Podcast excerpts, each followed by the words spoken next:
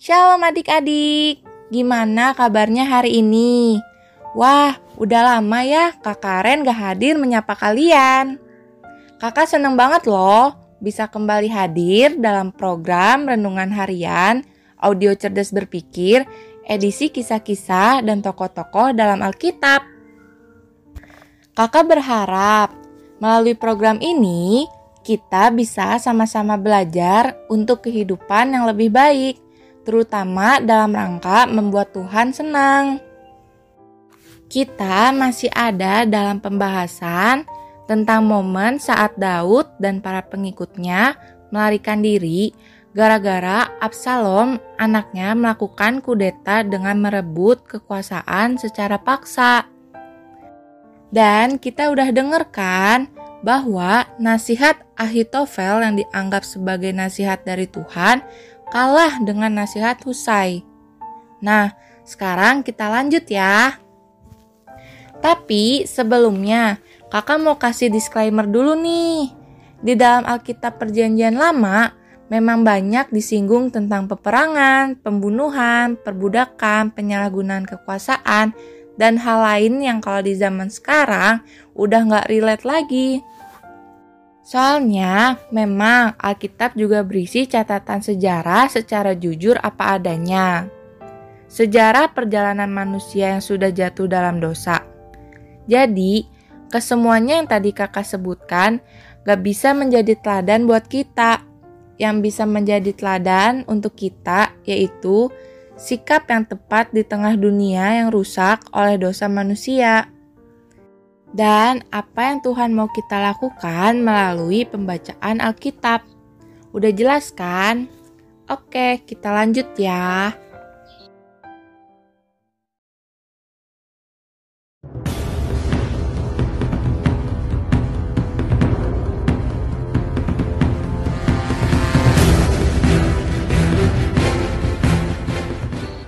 Husai yang nasihatnya lebih baik dari Ahitofel ternyata tidak berpihak pada Absalom. Dia masih memihak pada Daud. Jadi, dia kasih nasihat kepada Absalom supaya kalau nasihatnya disetujui oleh Absalom dan mau dilakukannya. Husai melaporkannya kepada Daud. Dalam kitab 2 Samuel pasal 17 ayat 15 sampai 16 mengisahkan seperti ini. Sesudah itu, berkatalah Husai kepada Zadok dan kepada Abiatar, imam-imam itu. Ini dan itu dinasihatkan Ahitofel kepada Absalom dan kepada para tua-tua Israel. Tetapi ini dan itu kunasihatkan. Oleh sebab itu, suruhlah dengan segera memberitahukan kepada Daud demikian. Pada malam ini, janganlah bermalam di tempat-tempat penyeberangan ke padang gurun, tetapi menyeberanglah dengan segera, supaya jangan raja dan seluruh rakyat yang bersama-sama dengan dia itu ditelan habis. Daud pun mengatur pasukannya untuk berperang, tetapi dia sendiri disarankan oleh rakyat untuk tidak ikut. Mereka tidak ingin Daud terluka, soalnya yang menjadi sasaran kan adalah Daud. Sebelum maju berperang, dalam kitab 2 Samuel pasal 18 ayat 5 dikisahkan seperti ini. Dan raja memerintahkan kepada Yoab, Abisai dan Itai.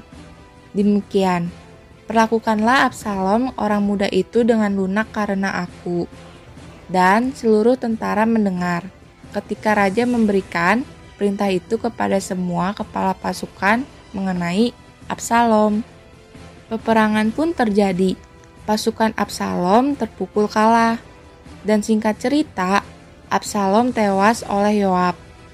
Ya, Yoab melanggar apa yang diperintahkan oleh Daud supaya bersikap lunak kepada Absalom. Dan setelah Daud mendengar kabar kematian Absalom, dia sedih banget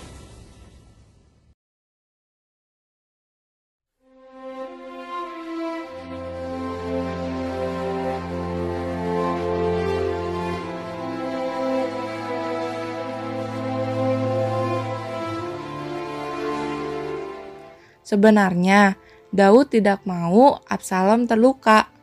Bahkan, Mungkin dia sudah memaafkan kesalahan Absalom. Daud tidak membenci Absalom bukan karena dia anaknya. Soalnya Daud pernah juga melakukan hal yang sama, yaitu tidak membenci orang yang jahat kepada dia. Daud tidak membenci Saul. Kalian tentu masih ingat kan? Adik-adik, kita memang harus membela diri terhadap orang yang kayaknya bersikap buruk sama kita. Memfitnah kita, menjelekan kita, melecehkan kita, atau bahkan melakukan kekerasan kepada kita. Jangan mau ditindas, dikasarin, dibully, dijelekin, sehingga orang lain menjadi salah paham kepada kita. Tapi kita perlu ingat, jangan sampai kita membenci kepada pelakunya. Bencilah perbuatannya. Lakukanlah pembelaan diri supaya kita tidak ada di posisi yang lebih buruk. Dan supaya orang lain gak salah paham sama kita. Tapi kita nggak seharusnya menjadikan pembelaan menjadi ajang pembalasan. Ya, memang itu susah sih, tapi kita pasti bisa kok. Kan ada Tuhan. So, yuk kita belajar jadi lebih baik, oke? Adik-adik, yuk kita berdoa. Tuhan, terima kasih atas waktu yang telah berikan kepada kami sehingga kami bisa mendengarkan renungan harian saat ini. Tuhan, ajarilah kami supaya kami tidak membenci orang lain yang berbuat jahat pada diri kami. Ajarilah kami supaya kami bisa memaafkan orang lain yang mungkin berbuat hal yang kurang baik pada diri kami. Tuntunlah kami supaya kami bisa selalu memaafkan perbuatan orang lain. Ajarilah kami untuk kami selalu berbuat baik. Biarlah apa yang kami lakukan bisa selalu menyenangkan namamu. Terima kasih ya Tuhan. Dalam namamu, kami telah berdoa dan mengucap syukur. Haleluya. Amin. Oke adik-adik, Kak Karen undur diri dulu ya. Tetap sehat, tetap semangat, dan tetap jadi berkat. Jangan lupa bahagia ya. Tuhan Yesus memberkati. Dadah!